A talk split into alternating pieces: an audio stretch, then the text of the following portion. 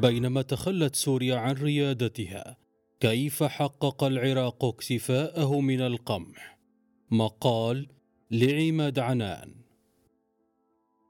يعد نموذج سوريا والعراق من أبرز النماذج الكاشفة عن أن أزمة القمح في الوطن العربي هي أزمة سياسات وإدارة في المقام الأول بعيدا عن إلقاء الكرة بكامل استدارتها داخل ملعب البيئة والظروف المناخية وخاصة التربة. فرغم الظروف المشابهة لكلا البلدين حيث الاضطرابات الأمنية والسياسية والاقتصادية لكنهما يسيران في طريقين متناقضين. سوريا التي حققت الاكتفاء الذاتي في 2006 و2007 بمعدل إنتاج بلغ 4.9 مليون طن كأول دولة عربية تؤمن سلتها الغذائية.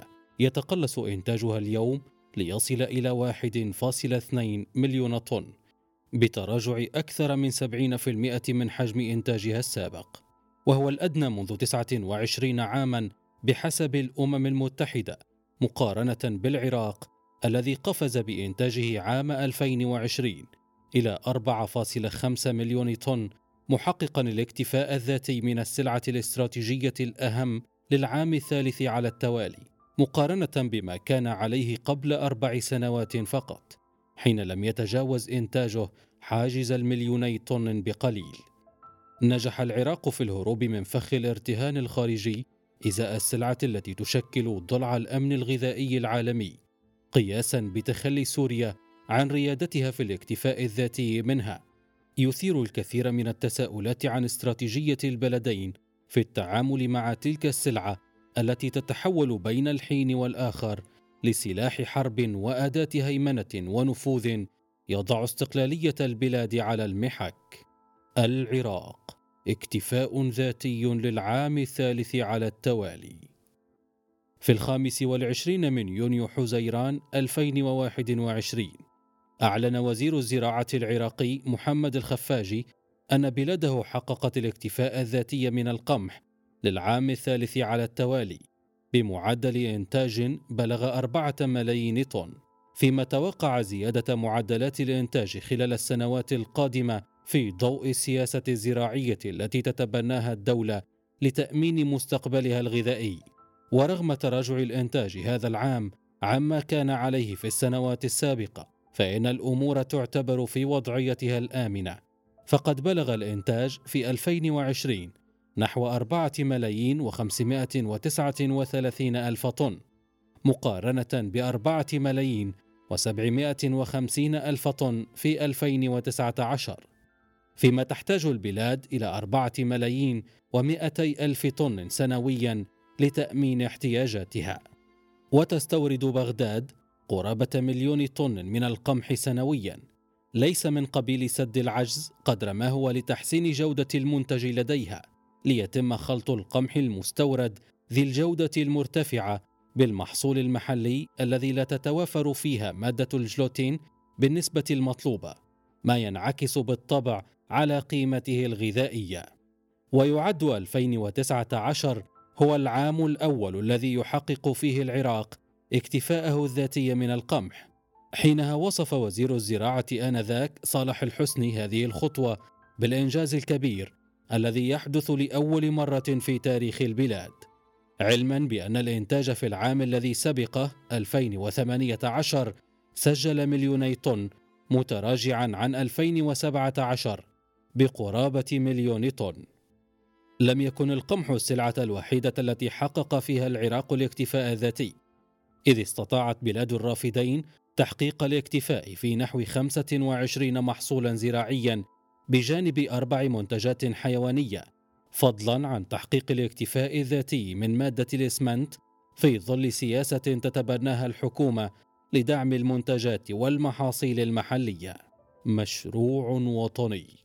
تبنت الحكومة العراقية في 2010 مشروعا وطنيا لتنمية زراعة القمح بهدف تحقيق الاكتفاء الذاتي من المحصول في غضون أقل من عشر سنوات. واعتمد المشروع على البرامج المقدمة والمنفذة معا من وزارة الزراعة التي راعت أحدث سبل الزراعة في العالم قياسا بظروف البيئة العراقية. سعى المشروع لتوفير احتياجات المواطنين من الغذاء من خلال الإنتاج المحلي وتقليل معدلات الاستيراد لأدنى مستوياتها وذلك تحقيقا لهدفين. الأول توفير كلفة الاستيراد التي تكلف البلاد عشرات المليارات الدولاريه سنويا. والثاني الاستقلال الغذائي بما يجنب العراقيين الوضعية الحرجة إبان فترة الأزمات كما حدث في 2008 وما قبلها. اعتمدت الخطة على بعض المحاور الرئيسية. أبرزها الاعتماد على إنتاج بذور مقاومة للملوحة والجفاف وذات إنتاجية عالية ومقاومة للأمراض بجانب تقديم كل سبل الدعم للمزارعين وتذليل العقبات أمامهم بدءا من اختيار التقاوي ووصولا إلى بيع المحصول للحكومة مرورا بدعم أسعار السماد والمحروقات وخلافه. المتحدث باسم وزارة الزراعة العراقية حميد النايف أشار إلى أن الخطة الزراعية لإنتاج القمح والشعير تستهدف زراعة 16 مليون دنم 4 ملايين هكتار. بمعدل إنتاج من 5.5 إلى 6 ملايين طن. منوها أنه لأجل ذلك لا بد على الدولة من السيطرة على المنافذ الحدودية والجمارك ومنع استيراد المنتجات التي لها مثيل محلي. وتبلغ المساحة المزروعة في العراق 48 مليون دونم بنسبة 27% من مساحة البلاد الإجمالية. غير أن المستغل منها فقط 32 مليون دونم. فيما تتبنى الدولة استراتيجية التبوير بمعنى زراعة الأرض موسما وتركها موسما آخر دون زراعة لاستعادة قوتها وعافيتها وعدم تجريف خصوبتها في سنوات معدودة. وعليه يمكن القول إن المساحة المزروعة فعلا لا تتجاوز 25% من إجمالي الأراضي الصالحة للزراعة. ويمثل القمح والشعير 96% من إجمالي الحبوب المزروعة. وتتصدر المنطقة الشمالية نينوى والسليمانية وكركوك قائمة المناطق الأكثر زراعة للقمح حيث الأمطار الغزيرة هناك. ويشكل إنتاج تلك المنطقة نحو 70% من إجمالي إنتاج القمح في البلاد. وتعد المنطقة الشمالية الأعلى إنتاجا من المحصول لعدة أسباب أبرزها زيادة الأرض المخصصة لزراعة القمح وطبيعة نظام الزراعة ونظام نير ونير التبوير وانعدام الملوحة وملائمة التربة واقتصادية التكاليف لعدم الحاجة إلى تقسيم الحقل وفتح السواقي وتكاليف الري كما في الوسط والجنوب. المياه والحرائق أبرز التحديات يعد شح المياه التحدي الأكبر أمام العراقيين للاحتفاظ باكتفائهم الذاتي من القمح فقد أدى النقص في هذا المورد الحيوي إلى لجوء الحكومة لتقليص المساحة المزروعة التي وصلت في بعض الأحيان إلى نصف إجمالي المساحة كما حدث في موسم 2018-2019 حسب ما نقلت وكالة رويترز عن مسؤول حكومي عراقي بجانب التقليل قدر الإمكان من زراعة المحاصيل الصيفية التي تحتاج إلى كميات كبيرة من المياه. في سبتمبر أيلول 2018 كشف تحقيق استقصائي للوكالة الإنجليزية عن تحول مدينة نينوى العراقية وهي التي كانت توصف بسلة خبز وغذاء العراق إلى أرض جدباء بسبب الجفاف وشح المياه. وهو الخطر الذي يهدد مستقبل الأمن الغذائي في البلاد ما دفع القائمين على أمور الزراعة للبحث عن نوعيات من البذور تتحمل الجفاف والملوحه بجانب استخدام تقنيات ري متطورة توفر قرابة 40% من المياه كما أشار وزير الزراعة العراقي مؤخرا. بجانب ندرة المياه تأتي الحرائق كأحد التحديات البارزة التي تهدد منظومة القمح في العراق. حيث تواجه المحاصيل الزراعية الاستراتيجية الحبوبية في البلاد موجات حرائق عارمة كل عام. تلتهم آلاف الدنمات وتسفر عن خسائر فادحة تؤثر في النهاية على حصة المواطن من الإنتاج الكلي. وتعد الحرائق التي وقعت في مايو أيار ويونيو حزيران 2020 وأطاحت بمساحات شاسعة من القمح إحدى الدلائل الفجة على هذا التحدي الخطير. اللافت للنظر أن تلك الحرائق وقعت بعد إعلان وزارة الزراعة العراقية اكتفاء البلاد ذاتيا من القمح وهو ما أثار الشكوك عن أسبابها والجهات التي تقف خلفها. حينها اتهم عدد من النواب العراقيين بعض الجهات الخارجية بالوقوف خلف تلك الجرائم بهدف إبقاء العراق معتمدا على الاستيراد في حاجاته الغذائية. فيما اتهم المتحدث باسم وزارة الزراعة حميد النايف جهات وصفها بالإرهابية إضافة إلى أياد نعتها بالخبيثة تهدف لمنع البلاد من تحقيق الاكتفاء الذاتي. لافتا في تصريحاته للجزيرة أن العراق وعلى مدى السنوات الماضية كان سوقا كبيرا لمنتجات دول الجوار التي لا يحلو لها أن تراه اليوم مكتفيا بما يهدد مصالحها الاستيرادية على حد قوله. سوريا من الاكتفاء للاستجداء. على النقيض تماما. يأتي النموذج السوري حيث الانحدار من أول دولة عربية تحقق الاكتفاء الذاتي من القمح بل وتصدر الفائض للخارج إلى أخرى تستورد نصف احتياجاتها السنوي وترهن قرارها السياسي والسيادي للدول المصدرة وعلى رأسها روسيا التي تهيمن على النظام سياسيا وعسكريا. قبل الربيع العربي في 2011 كانت مساحة الأرض المزروعة بالقمح في سوريا 1.7 مليون هكتار وكان متوسط الإنتاج يتجاوز 4 ملايين طن. تستهلك منه نحو 2.5 مليون طن وتصدر نحو 1.5 مليون طن للخارج. فيما كانت تحتفظ الدولة بمخزون استراتيجي يكفيها لمدة عامين مستقبليين. وعلى مدار عقدين كاملين خلال فترتي التسعينيات والعقد الأول من الألفية الجديدة حافظت سوريا على مساحة الأرض المزروعة قمحا دون إخلال أو نقص متأرجحة بين 1.6 و 1.7 مليون هكتار كما أبقت على معدلات الإنتاج في وضعيتها الآمنة. وكانت السياسة الزراعية السورية وقتها نموذجا ملهما للكثير من البلدان العربية. التي كانت تعاني من الفجوة الكبيرة بين إنتاجها من القمح واستهلاكها المتزايد.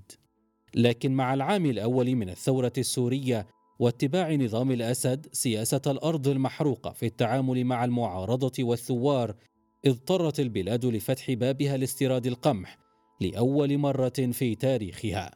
بعدما خرجت أكثر من نصف المناطق الزراعية في الشمال والجنوب من خريطة الإنتاج بسبب الحرب والاضطرابات وتهجير المزارعين في مجزرة للأراضي الزراعية هي الكبرى منذ ستينيات القرن الماضي. وبقدوم عام 2020 تقلصت مساحة الأرض المخصصة لزراعة المحصول الأهم استراتيجيا من 1.7 مليون في 2011 إلى 1.2 مليون هكتار فيما تعرضت خريطة الإنتاج لموجات قاسية من الضربات أبرزها جفاف 2014 الذي أودى بالإنتاج إلى ما دون مليون طن وظلت تبعاته حتى العام الحالي. من الاهتمام للتجاهل. كان ملف القمح على رأس أولويات الحكومة السورية خلال العقدين السابقين للثورة إذ جيشت مراكز الأبحاث العلمية والهيئات الزراعية وأقسام الهندسة الوراثية في الجامعات والهيئات الإقليمية والدولية على تطوير أنواع مختلفة من البذور القادرة على الإنتاج العالي رغم قلة المياه. تزامن ذلك مع استراتيجية وطنية تهدف إلى تطوير معامل الأسمدة والاستفادة من ثروات الفوسفات السوري الذي يعتبر الأعلى جودة على المستوى العالمي. هذا بجانب تقديم محفزات قوية للمزارعين لدعم إنتاجهم كمنحهم قروضا قليلة الفائدة بتسهيلات كبيرة بجانب توفير المستلزمات الضرورية للزراعة. لكن الآونة الأخيرة سقط المزارع من حسابات النظام السوري الحالي فتوقفت القروض البنكية الداعمة وزادت الأسعار بصورة جنونية. هذا بخلاف الفجوة الكبيرة بين سعر القمح محليا الذي يشتريه النظام وسعره العالمي. ما يدفع الكثير من التجار إلى بيع المحصول لبعض الدول المجاورة في محاولة للاستفادة من فرق السعر بما يؤثر بالطبع على حصة المواطن من الطحين سنويا. سياسة الأرض المحروقة. شهدت الأراضي الزراعية في البلاد موجة حرائق غير مسبوقة خلال السنوات الماضية. من أبرزها تلك التي تعرض لها سهل الغاب بريف حما الشمالي. وأسفرت عن خسائر قدرت بمليار وخمسة وستين مليون ليرة سورية أي ما يزيد عن 1.8 مليون دولار بجانب الحرائق التي التهمت قرابة 200 هكتار في محافظة إدلب. الحرائق امتدت لتلتهم محصول القمح في بعض المدن الرئيسية منها مدينة سلمية وسط البلاد فضلا عن حقول محافظتي الرقة ودير الزور. بجانب عشرات القرى المحيطة بمدينة القامشل شمالا ومثيلتها في محافظة السويداء جنوبا وغيرها من المناطق الواقعة في الشرق.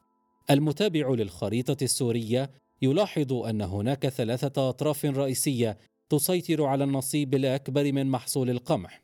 الأولى قوات سوريا الديمقراطية المدعومة من الولايات المتحدة وتسيطر على الحسكة ودير الزور والرقة بجانب المعارضة والحكومة السورية حيث يتبادلان السيطرة على أرياف حلب وإدلب وشرق الفرات. هذا النزاع على مناطق القمح أشعل سوق التجارة والبيع بين المزارعين حيث لجأ كل طرف إلى المزايدة من خلال رفع السعر مقارنة بالسعر العالمي أو حتى السعر الرسمي للحكومة ما أدى في النهاية إلى ظهور سوق سوداء للقمح.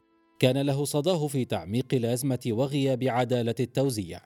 وتتباين التفسيرات عن أسباب تلك الحرائق ففريق يرجعها إلى ارتفاع درجات الحرارة وآخر إلى تنظيم الدولة داعش وثالث يلمح إلى أخطاء بشرية كإلقاء أعقاب السجائر بالقرب من الأراضي الزراعية أو الشظايا الخارجة من عوادم السيارات. غير أن التفسير الأقرب الذي أكدته التقارير الدولية يشير إلى تورط الجيش السوري النظامي والقوات الروسية والإيرانية الداعمة له في تلك الجرائم تماشيا مع سياسة الأرض المحروقة التي يتبعها الأسد لتهجير المعارضة ونزوح الأهالي فقد أشارت العديد من تلك التقارير إلى تعرض مناطق زراعية واسعة للحرق في إدلب وحما وشرق سوريا بفعل القصف المتعمد بالبالونات الحارقة من طيران النظام على تلك المناطق التي تعد أماكن تمركز للمعارضة. سداد فاتورة الحرب. تمثل روسيا المصدر الأساسي لسد احتياجات سوريا من القمح. فيرى البعض استيراد القمح الروسي كأحد طرق تسديد فاتورة الدعم الروسي لنظام الأسد خلال السنوات السبعة الماضية. فخلال الفترة من 2017-2019 أبرمت دمشق وموسكو العديد من الاتفاقيات لتوريد القمح الروسي وتمول الحكومة السورية تلك العقود من خلال قروض من مصرف سوريا المركزي. اللافت للنظر أنه في منتصف 2018 أعلن وزير التجارة الداخلية في حكومة النظام عبد الله الغربي إن بلاده تستورد القمح الروسي بسعر 200 دولار للطن الواحد علما بأن سعره العالمي يقل عن هذا الرقم بنحو ثلاثة إلى خمسة دولارات وهو التصريح الذي أثار الكثير من التساؤلات خاصة أن مصادر استيراد القمح بأسعاره العالمية التنافسية متوافرة بسهولة في ذلك الوقت.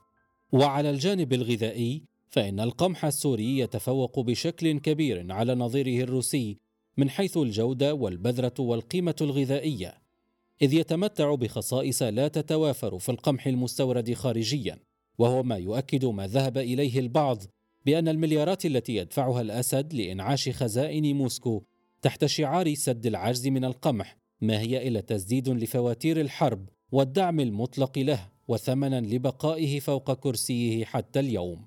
تحاول الحكومة السورية خلال العامين الماضيين تحفيز المزارعين لديها لتحسين معدلات الإنتاج مرة أخرى، وذلك عبر حزم من الدعم للبذور والسماد والوقود لكن الخسائر التي تكبدتها الأراضي الزراعية طيلة العقد الماضي وتهجير معظم الفلاحين وفقدان الثقة في نوايا النظام بصفة عامة حال دون تحقيق الهدف المنشود لتظل سوريا أسيرة القرار الروسي اقتصاديا كما هي سياسيا بعدما كانت في وقت من الأوقات النموذج الاكثر اشراقا على خريطة القمح العربية. ظروف متشابهة ولكن تتشابه الأجواء والظروف التي تهيمن على الساحة السورية والعراقية بصورة كبيرة. غير أن تلك الظروف التي أزاحت سوريا عن ريادتها القمحيه عربيا استطاع العراقيون الانتصار عليها خلال السنوات الثلاثة الأخيرة وسط تفاؤل باستمرار هذا الانتصار لسنوات قادمة. كلا البلدين يحاول جاهدا تحفيز المنظومة الزراعية لتحسين معدلات الإنتاج. لكنها المحاولات التي تصطدم بتحديات وعقبات تتباين من دولة لأخرى وتشكل في المجمل قدرة كل منهما على تحقيق الهدف المنشود والتخلص تدريجيا من ربقه الارتهان القمحي خارجيا. ربما يتميز العراق بمشروعه الوطني الذي أطلقه في 2010 هذا المشروع الذي استهدف التطوير راسيا وافقيا الأول عبر زيادة القدرة الإنتاجية للمحصول وتحسين قيمته الغذائية من خلال اختيار التقاوي الجيدة وتحسين جودة السماد ومعالجة الآفات والحشرات والنهوض بمنظومة التخزين والتشوين. والثانية من خلال محاولة استصلاح المزيد من الأراضي وقد نجح العراقيون إلى حد ما في تحقيق المسار الأول لأهدافه فيما ظل الثاني أسير تحديات الجفاف والتبوير. هذا المشروع ربما يفتقده السوريون رغم امتلاكهم للموارد المؤهلة لذلك. ومما يعمق صعوبة الوضعية السورية الصعبة خصومة النظام الحاكم لأكثر من نصف الشعب السوري إذ ينظر لهم على أنهم أعداء لذا كانت سياسة التهجير والنزوح المليوني للخارج ما فرغ البلاد من عصبها الزراعي وضلعها الأقوى وهو المزارع في بلد يعتمد في المقام الأول على عوائد الزراعة التي تشكل قوامه الاقتصادي الأبرز. في ضوء ما سبق يمكن القول إن التفوق العراقي في إنتاج القمح نتاجا منطقيا لخطة منهجية ومشروع وطني تجاوز كل الصعاب. لكنه في الوقت ذاته مرهون بتحدي الاستمرارية في ظل الظروف الصعبة والتحديات التي تواجهها البلاد. وفي الجهة الأخرى فان استعادة سوريا لريادتها من الاكتفاء الذاتي للقمح ليس امرا مستبعدا ولا صعبا على المستوى الفني والزراعي لكنه يتوقف على الإرادة السياسية ونية النظام في الخروج من عباءة الدب الروسي وهو الأمر المستبعد في ظل الظرفية الحالية.